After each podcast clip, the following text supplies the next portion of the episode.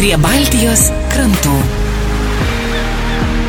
Laidos partneris - Lietuvos jūrų muziejus.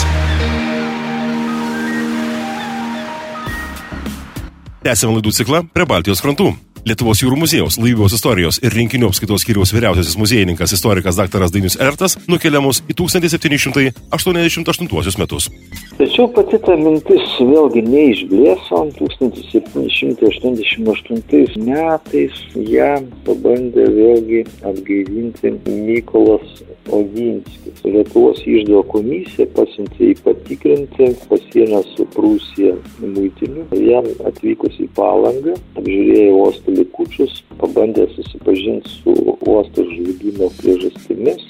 Po to apžiūrėjus, reiškia, tą situaciją vietoje, jisai konstatavo, kad, na, pacituosiu, žvėjai, kurie tame šventosius kaime gyvena, nors ir skurdžiuose ir menkose trobose, yra pakankamai turtingi, duoda pavyzdį, kaip naudotis priekybai gera vietovės pradėtimi, nes jie neturėdami žemės gyvena ne tiek iš žvejybos, nes žuvį tik pavasarį žudenį gaudo, tik iš prekių gabenimo. Gabenta net į Liepoją artimų apylinkių gyventojų grūdus ir kitas prekes. Dalį jų nuperka krante ir kaip savo prekes gabena. Kitą dalį pasiima gabenti už atlyginimą į Liepoją ar Klaipėdą. Na, tokie jo įspūdžiai ir jisai savo tą laišką baigia taip. Su pasitenkinimu stebėdamas šios drąsius žmonės, kurie veiklos dvasios ir pelno paieškos sėkimų, skatinami leidžiasi jūro valtimis, labai nagingai jų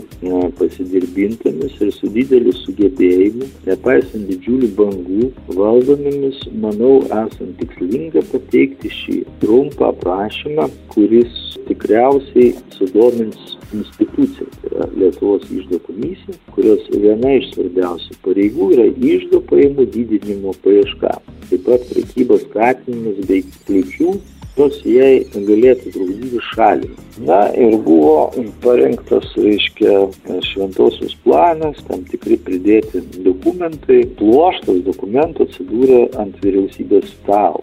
Reikėtų pasakyti, kad Anglijai tebirūpėjo prekyba Baltijos jūroje ir tiesioginiai ryšiai su Respublikos žemėmis. Nes tai buvo vienintelis nu, tiesiogiai išėjimas Lietuvos į jūrą. Na, todėl, kaip ir pasakius, reiškia atrasta ir tokių šalininkų. Tai vienas iš tų šalininkų buvo klaipėdietis, Anglijos konsulas Džeimsas Durno.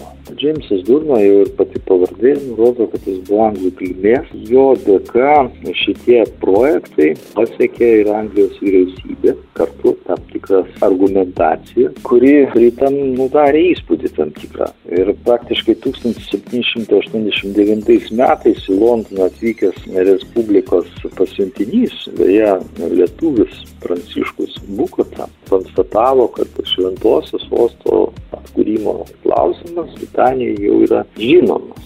Po trumpos muzikinės pauzės laidos pašnekovas Dainius Ertas tęs pasakojimą apie tolesnius bandymus įkurti Šventosios uostą.